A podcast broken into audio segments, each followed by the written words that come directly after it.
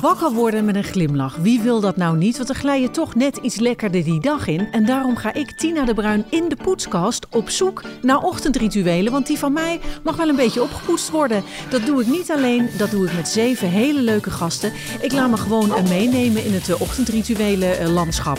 Je kan de poetskast beluisteren in je favoriete podcast-app, maar ook bekijken op linda.nl. Goedemorgen.